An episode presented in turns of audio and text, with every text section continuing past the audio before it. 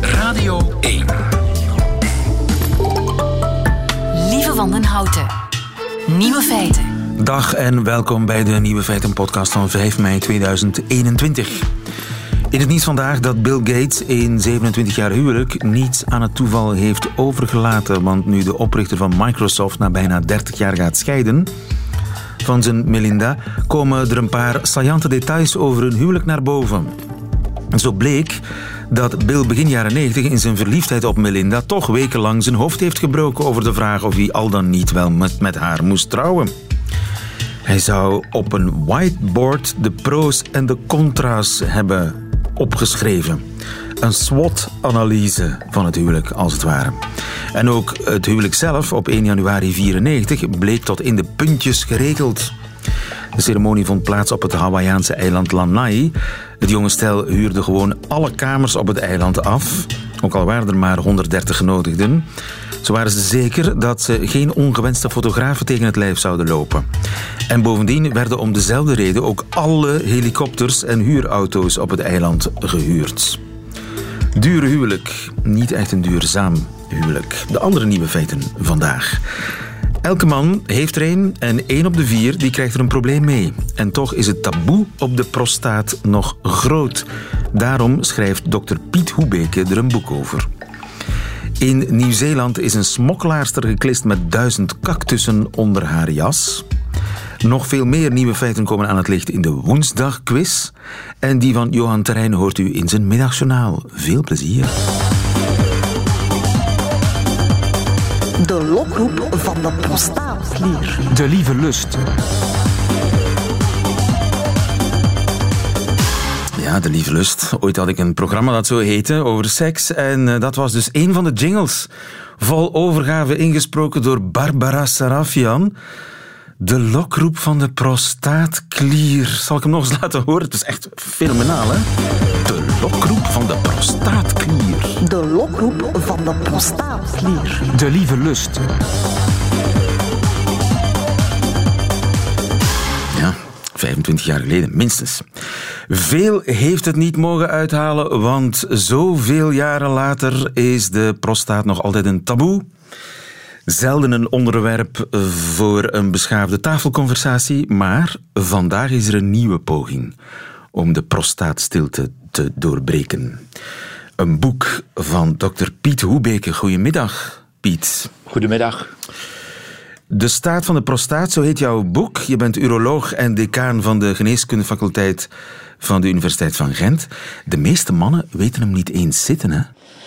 Ja, lieve, dat is correct. Eh, De meeste mensen weten niet waar hij zit, maar de meeste mensen weten ook niet waarvoor hij dient. Hè. Dus in die zin was er wel een, eh, een nood om nog eens een, eh, een boek te schrijven dat het iets verduidelijkt, denk ik. Ja, maar vind jij dat de mannen hem moeten vinden? Moet elke man zijn prostaat weten zitten? Wel, lieve, als je weet dat de prostaat verantwoordelijk is voor ziekte bij ja, bijna alle mannen. Hè. Ik bedoel, er, is een boetade eh, dat bijna alle mannen sterven met prostaatkanker, niet van prostaatkanker. Dus als je maar oud genoeg wordt, dan zal je hoe dan ook wel eens iets aan je prostaat kunnen krijgen. Vroeg of laat krijg je kanker aan de prostaat. Wel, als men 90-jarige mannen die overleden zijn dissekeert, dan vindt men ongeveer bij het 90% prostaatkanker. Maar heel brave prostaatkankers. Hè. Dus, eh, maar als je echt naar klachten gaat, dan ga je zien dat eh, toch 60% van de mannen die oud genoeg worden, tot 80 en 85, dat die wel eens last krijgen van de prostaat. Dus ja, iedereen krijgt er wel eens mee te maken, denk ik. En last van de prostaat, dat betekent dat die eh, groeit, dat die te groot wordt. Er zijn verschillende zaken. Hè. Je hebt, je hebt eh, eigenlijk drie grote zaken. Je hebt prostaatontstekingen en dat kan op elke leeftijd voorkomen van jong tot oud en, daar kunnen ook jongeren last van hebben.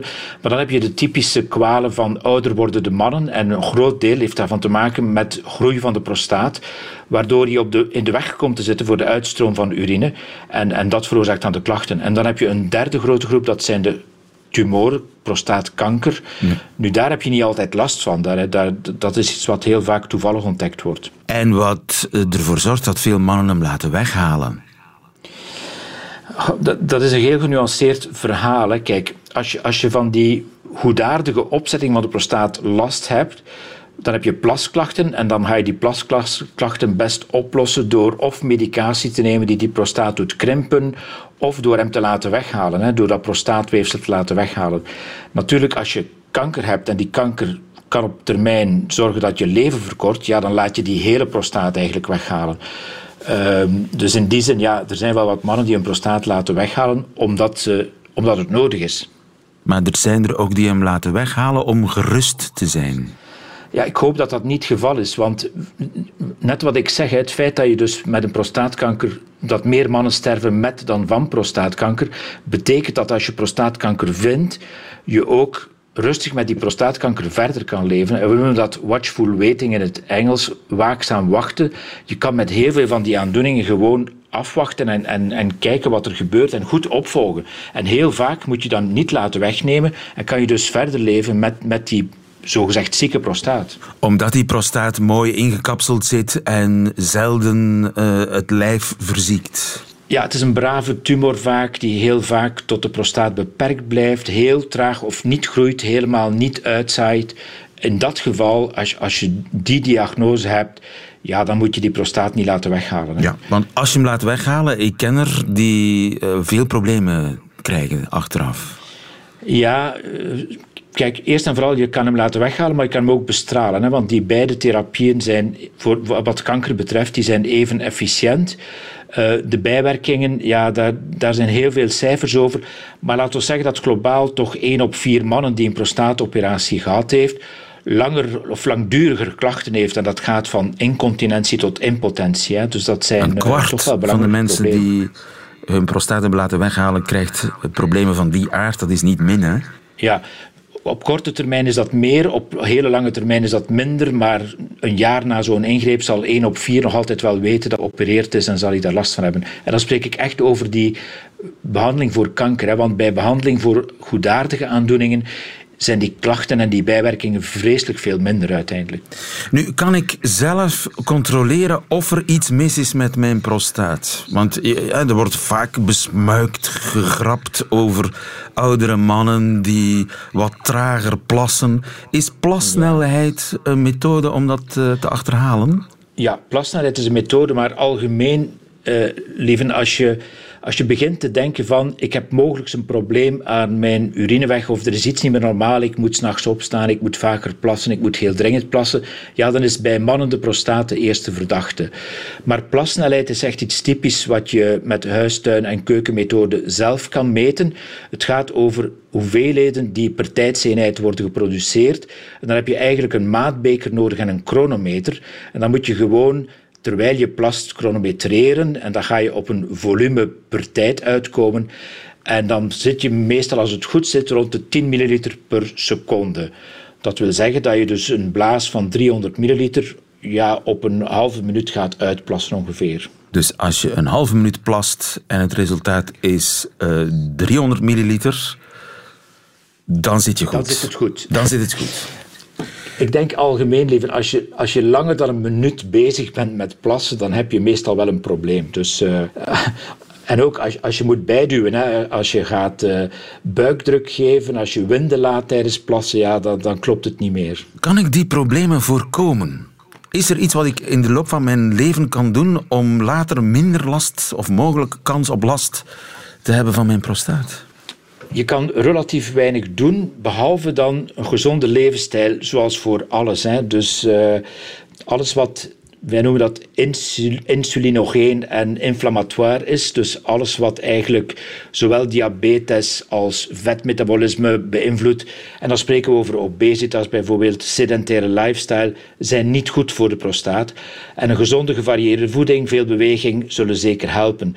Maar als je het lotje getrokken hebt dat je familiaal belast bent met prostaataandoening, dan ga je dat volgens mij niet tegenhouden. Hè. Dan, dan loop je dat risico toch en dan moet je het gewoon tijdig laten uh, opvolgen, denk ik. Ja. Veel ejaculeren, hoor ik wel eens zeggen. Klopt dat? Ja. Het, de prostaat produceert een deel van het ejaculaat. Uh, een, een goede werking van die klier is eigenlijk zinvol, dus veel ejaculaat produceren is zinvol. Dat is ook trouwens nagekeken. Het is zo dat uh, mannen die tussen hun 20 en hun 40 tot 20 zaadlozingen en meer per maand gaan, minder kans hebben op prostaatkanker dan mannen die dat niet doen. Dus... Uh, er wordt opgelucht adem gehaald. Big exhale op de redactie van Nieuwe Feiten. Uh, dus 20 keer per maand. Dat is zo'n beetje het quotum voor een, um, een gezonde prostaatklier. Nu, die, is dat de functie van die prostaatklier, namelijk dat ejaculaat meemaken? Ja. Het is zo, het, van, van het ejaculaat is 30% een, een product van de prostaat. En het is het product dat ervoor zorgt dat het ejaculaat, wat bij ejaculatie kleverig is en, en, en uh, ja, niet vloeibaar, dat het na 15 minuutjes vloeibaar wordt, zodat de zaadcellen eruit geraken om een reis naar de eicel te kunnen inzetten. Hè. Dus de bedoeling eigenlijk van, van het prostaatvocht, of het deel wat de prostaat produceert in het ejaculaat, is het vervloeibaren van het ejaculaat na 10 tot 15 minuten. Oh ja. En dus dat zorgt eigenlijk voor de viscositeit van het sperma? Wel, de viscositeit van het sperma wordt veroorzaakt door een product uit de zaadblaasjes. En de functie van de viscositeit is natuurlijk, je, je moet je voorstellen dat uh, coitus in, in, in een bedreigende omgeving, dat de vrouwelijke partner dan niet netjes bleef liggen gedurende een half uurtje op haar rug voor het naspel. Maar die moest zo snel mogelijk terug in veilige omstandigheden komen. En dan mocht het sperma niet uit de vagina vallen. En daardoor, daarom is het kleverig en heeft het die viscositeit. Maar eens je dan in een veilige omgeving bent, moeten die zaadcellen er wel uitkomen. En dat is dan de rol van het prostaatvocht, om het ejaculaat te vervloeien, zodat de voortplanting kan gebeuren. Daar zit een soort timer in. Ja, ja maar wij zijn natuurlijk nog altijd het product van wat we 20.000 jaar geleden waren. Hè. Dus we, ons lichaam weet niet dat we niet meer in een omgeving met uh, leven. Uh, en daardoor hebben we nog altijd dat sperma dat, uh, dat viskeus is, dat dus kleverig is bij het begin en dan vervloeit na een tijdje. En die vervloeiing, daar dient de, de prostaat voor. Het is dus een essentieel onderdeel van de voortplanting. Ja. Maar het is ook een essentieel onderdeel voor sommige mensen van het seksuele spel. Het is met andere woorden een erogene zone. Absoluut. Wel, in, in die zin, de, de zenuwen voor de erectie lopen vlak langs de prostaat. En de prostaat zelf heeft een aantal gevoelszenuwen, waardoor bij prikkeling deze kan aanleiding geven tot seksuele opwinding. En, en ja, homomannen die anale seks hebben, die, die, die weten dat. Ehm, er zijn ook allerlei speeltjes op de markt om jouw prostaat uh, mee te gaan stimuleren. En ik denk dat ook uh, in heterokoppels dat eventueel aan de orde kan zijn. Hè. Ik was eigenlijk bij het schrijven van het boek wel zelf verbaasd toen ik uh, googelde wat het aanbod is. Het is gewoon gigantisch hoeveel aanbod is. Er zijn zelfs met afstandsbediening, dus stel je voor. En dat zijn een soort trilmuizen met afstandsbediening? Ja, dat zijn allerlei trillende apparaatjes. Er zijn er zelf die elektroshockjes opwekken, waardoor de bekkenbodemspieren gaan samentrekken, waardoor een extra uh, stimulans komt tijdens het seksspel uiteindelijk. Hè? Ja. En is dat iets wat u als dokter uh, stimuleert of zou afraden? Ik stimuleer dat zelf niet, maar kijk, al, alles wat je alles wat je veilig en prettig kan doen, uh, dat mag je van mij doen. Dus uh, ja, je, je moet dit apparaatje, denk ik, je moet die vibrator wel op een of andere manier in de buurt van de prostaat brengen. Dus dat wil zeggen via de anus binnenbrengen. Dus uh, ik zou zeggen, let wel een beetje op de grootte van het ding wat binnengaat. En zorg dat het goed binnenglijdt, dus met goed glijmiddel. En zorg ook dat je het er weer uit kan krijgen, dat je het niet kwijtraakt ja. natuurlijk. Hè. Maar ik bedoel eigenlijk, zo'n prostaat, is dat een heel delicaat kliertje? Moet je daar heel voorzichtig mee omspringen? Nee. Of kun je, kun je dat met die kan wel gerust hart aanraken, dat is geen, probleem. Nee, prostaat kan tegen een stootje, uh, als, als wij patiënten onderzoeken, doen wij altijd een rectaal onderzoek, hè, het fameuze rectaal touché. Dan gaan wij toch uh, met de vinger goed gaan drukken op de prostaat om, om te voelen hoe de structuur aanvoelt. En hij kan daar zeer goed tegen. Hè. Dus het is, het is geen, uh, geen broos dingetje. Ja. En hij zit aan de binnenkant, hè? Als je, dus ja. je, je, je moet naar je buik toe voelen. Voor mensen ja, die hem dus, zouden uh, willen... Als, als de man op zijn buik ligt, dan ligt hij, als je binnenkomt, aan de onderzijde. Oké, okay, ontdek je plekje, zou ik zeggen. En lees De Staat van de Prostaat, het boek van dokter Piet Hoebeke, om alle ja, prostaatstiltes te doorbreken. Want prostaten kunnen veel problemen veroorzaken. Zij het ook veel genot. Piet Hoebeke, dankjewel. Goedemiddag. Dankjewel, lieve.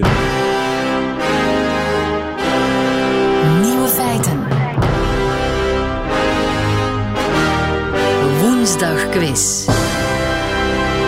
Genoeg gelachen, de woensdagquiz. We spelen voor 25 euro, een boekenbon van 25 euro te verzilveren bij een onafhankelijke boekhandelaar aangesloten bij Confituur.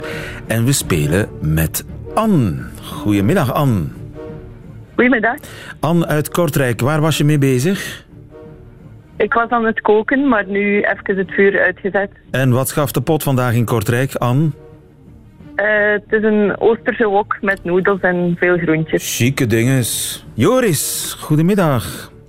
Goedemiddag, lieve. Joris Hollebos uit het wondermooie Assenede, waar was jij mee bezig?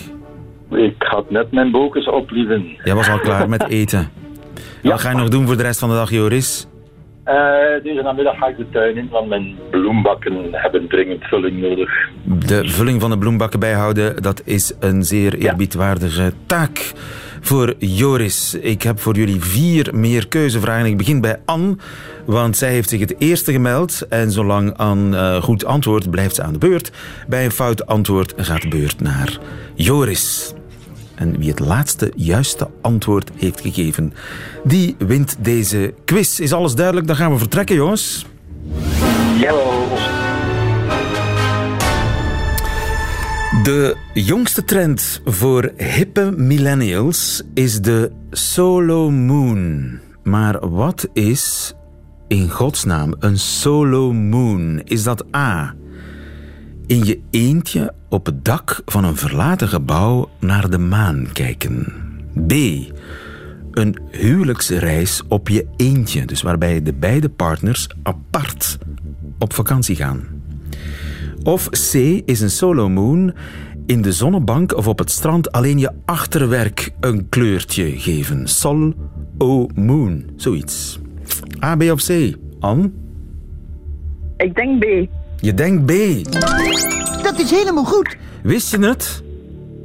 Nee, maar ik vind het wel heel triestig als het echt waar is. Het is inderdaad heel triestig en het is inderdaad echt waar, hè, Gilles? Echt waar. Jury Gilles. Ja, ja, ja. Ik- Als millennial schaam ik mij een beetje voor deze trend. Want er zijn dus op Instagram al meer dan 1500 posts van koppels die apart op huwelijksreis gaan. Zo gezegd omdat ze de onafhankelijkheid binnen hun relatie willen vrijwaren en andere Ja. onzin zoals dat. Je wordt stilaan zelf ook een dagje ouder, hè, Gilles? Je, je voelt de nieuwe trends ook al wat minder. Ja, ja waar is de tijd voor Pokémon kaart? Gefeliciteerd. Gilles heeft de, deze quiz eh, samengesteld. En he- vraag 2. het is eh, een, eh, eigenlijk een echt nieuw feit, want het is nog pas binnengekomen. De officiële doodsoorzaak van prins Philip is bekend. Waaraan is hij volgens een medisch onderzoek van zijn lijfarts gestorven? A. Ouderdom. B. Prostaatkanker. C. Hartfalen. Anne, wat denk je? Ik denk ouderdom. Dat is helemaal goed. Ja, verrassing hè? Sorry. ja, de lijfarts heeft het lichaam eens grondig onderzocht, hè Gilles? En vastgesteld dat ouderdom de doodsoorzaak was. Wat kan? Ouderdom is een doodsoorzaak wanneer de overledene ouder is dan 80 jaar en al eh, langere tijd verzorgd wordt door een arts, wat bij hem dus het geval was, was, want hij werd al sinds 2014 door die arts verzorgd. Ja, de officiële doodsoorzaak van prins Philip is ouderdom. Vraag 3. Ik blijf bij Anne. Gaat het nog, Joris? Kun je het geduld Ja, nog, hoor. even vol, Ja, nog even... Hou het nog even vol. Vraag 3. In Nederland wordt er druk gewerkt aan een nieuwe covid-test. Hoe zal die test eruit zien?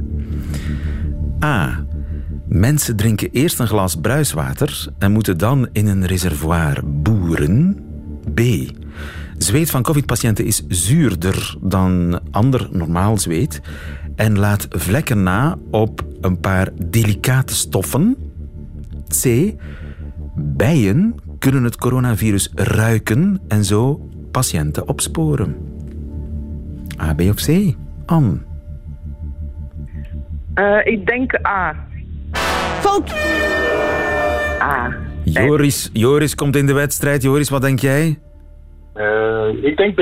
Je denkt B. Fout. Bijen. Bijen, ja. Het was bijen. Het, waren, ja, het zijn bijen, inderdaad. Omdat COVID-19 een, een specifieke geur heeft, die ook al door honden opgepikt kan worden, maar dus ook bijen, want bijen kunnen supergoed ruiken. En de onderzoekers hebben die bijen dus geleerd om hun tong uit te steken wanneer ze COVID-19 ruiken. En ze hopen dat in armere landen waar minder testen zijn, maar wel veel bijen, dat een oplossing kan zijn. Prachtig.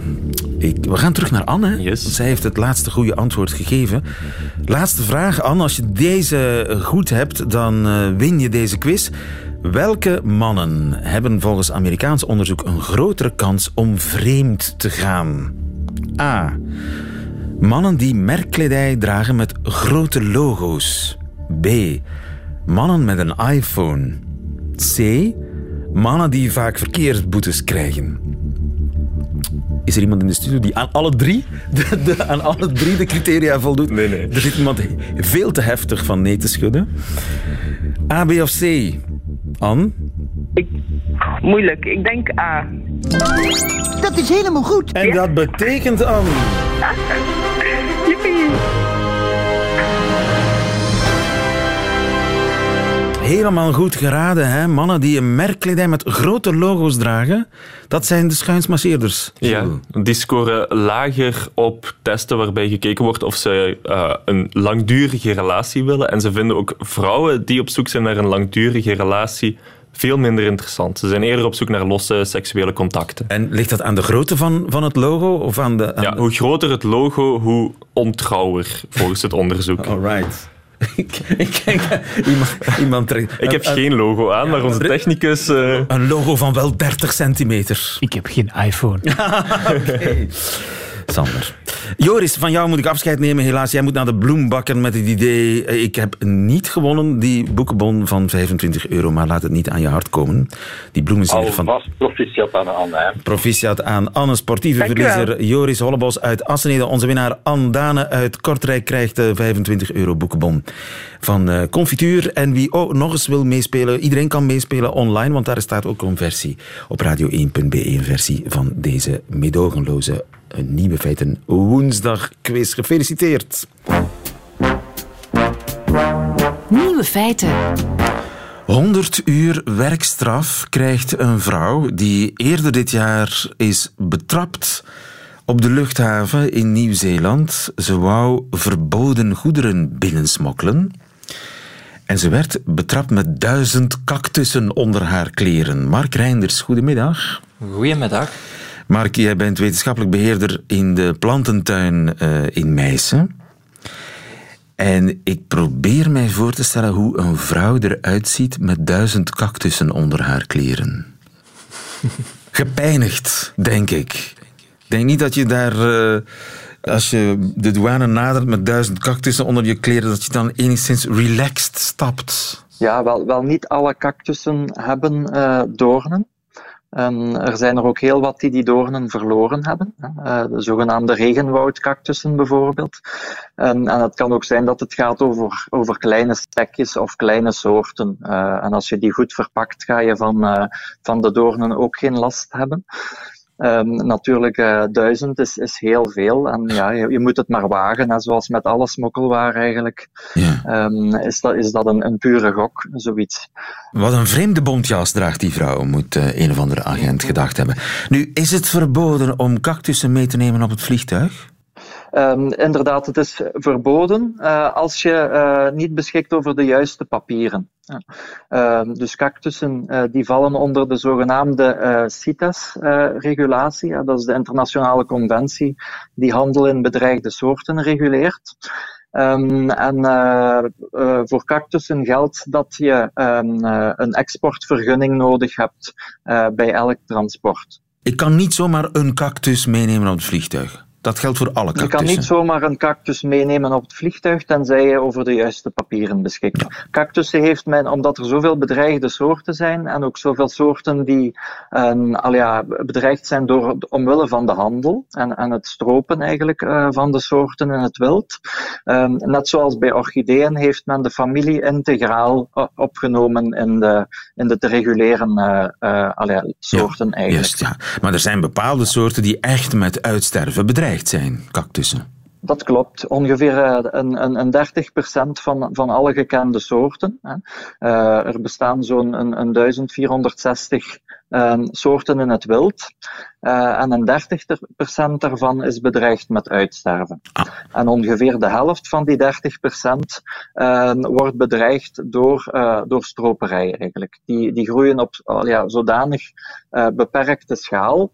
Bijvoorbeeld één valleitje of, of één bergtop uh, in de woestijnen, um, waardoor dat die, die, die populaties zeer klein zijn en, en dus ook zeer gevoelig voor, uh, voor stroperij of, of alle andere bedreigingen. Oh ja, dus er zijn plekken op de wereld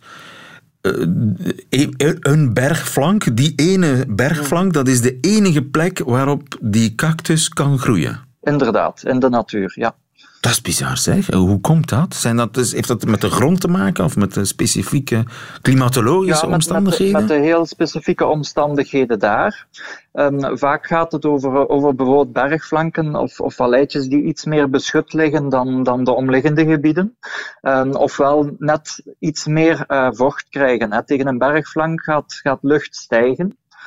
En, en uh, bijvoorbeeld uh, de, de, de warme zeelucht uh, van onderaan de berg stijgt, botst met koudere lucht en gaat condenseren. En het is die condens uh, dat die, die planten uit de lucht gaan halen en waar dat ze van leven eigenlijk. Ja, ja. Dus op dat soort plekken uh, krijg je een diversiteit aan soorten die soms zeer beperkt zijn in, in schaal, ja. uh, tot dat ene plekje waar net de condities goed zijn. Ja, en op dat ene plekje vind je nu stropers die daar flink veel geld aan verdienen, want zo één plantje, daar wordt grof geld voor neergeteld. Daar wordt uh, grof geld voor neergeteld, inderdaad. Ja, er bestaat voor alles een markt.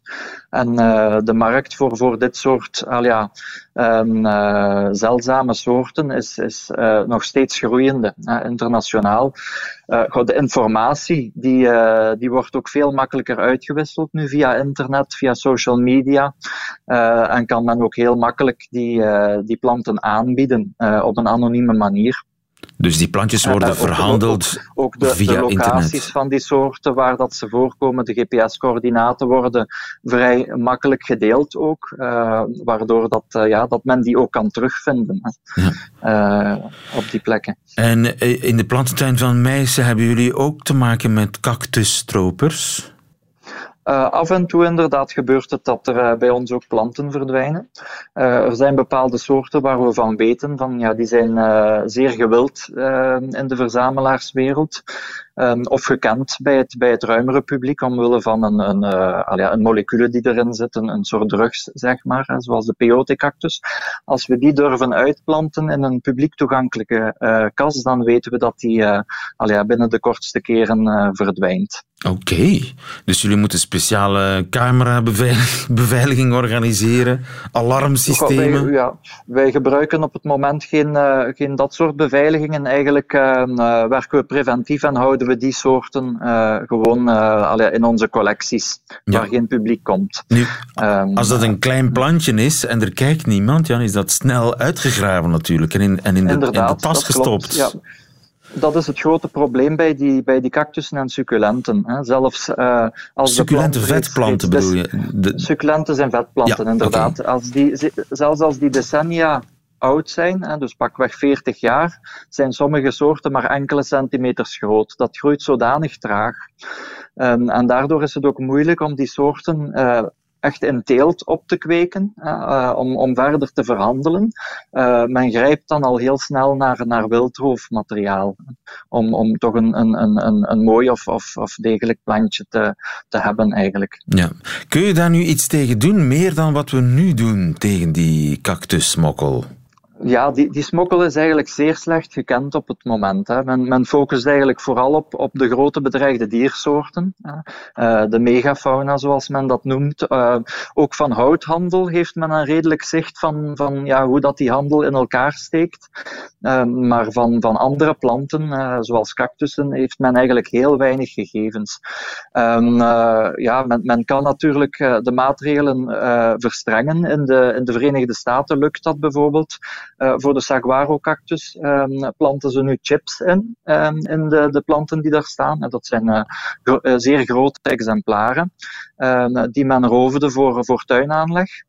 Oké, dus je kan die chippen. En sinds dat die chips, die, die chipt men, en dan kan men eigenlijk ja, de, de, individuele plant terug traceren naar, naar de plek waar dat die groeide in het wild.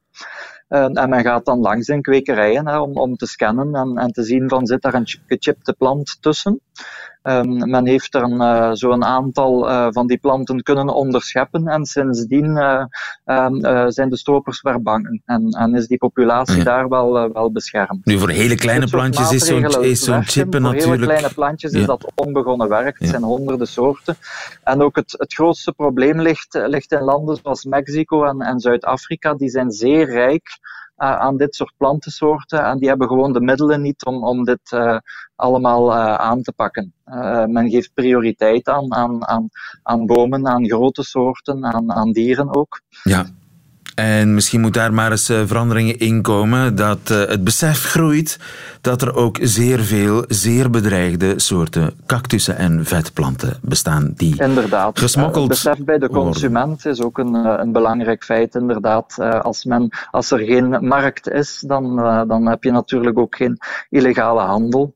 Uh, het is iets dat, dat moet groeien, zowel in de mentaliteit van, uh, van de, de, allee, de, de verzamelaars um, als bij, bij overheden. Uh, en Mensen beseffen het soms niet en daar moet verandering in komen. Dankjewel Mark Reinders van de Plantentuin in Meissen. Goedemiddag.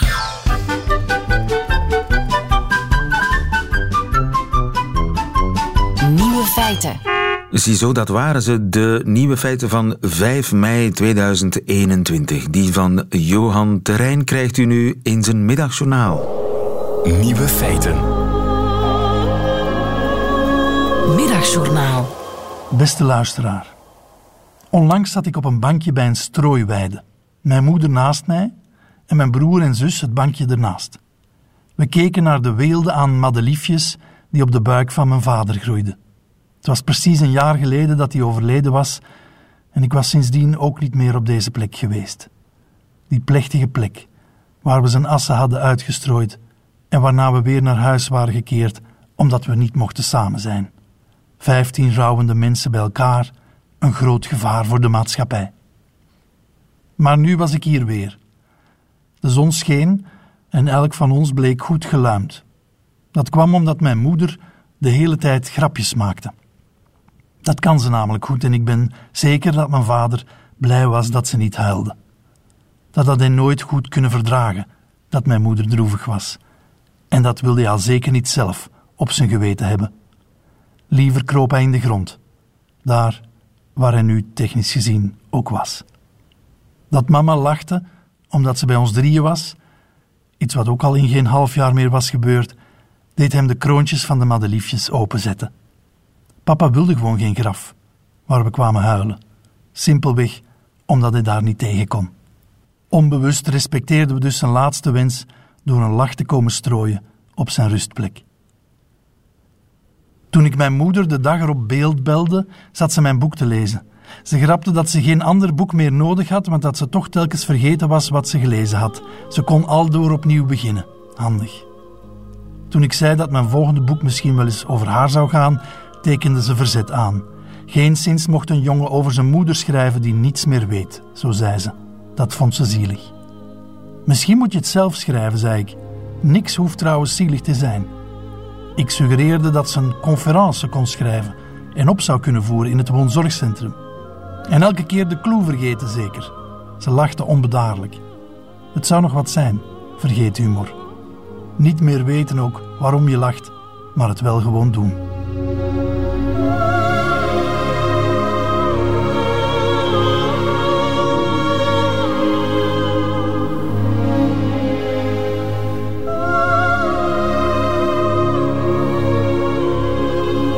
Middagjournaal met Johan Terrein. Einde van deze podcast. Hoort u liever de volledige nieuwe feiten?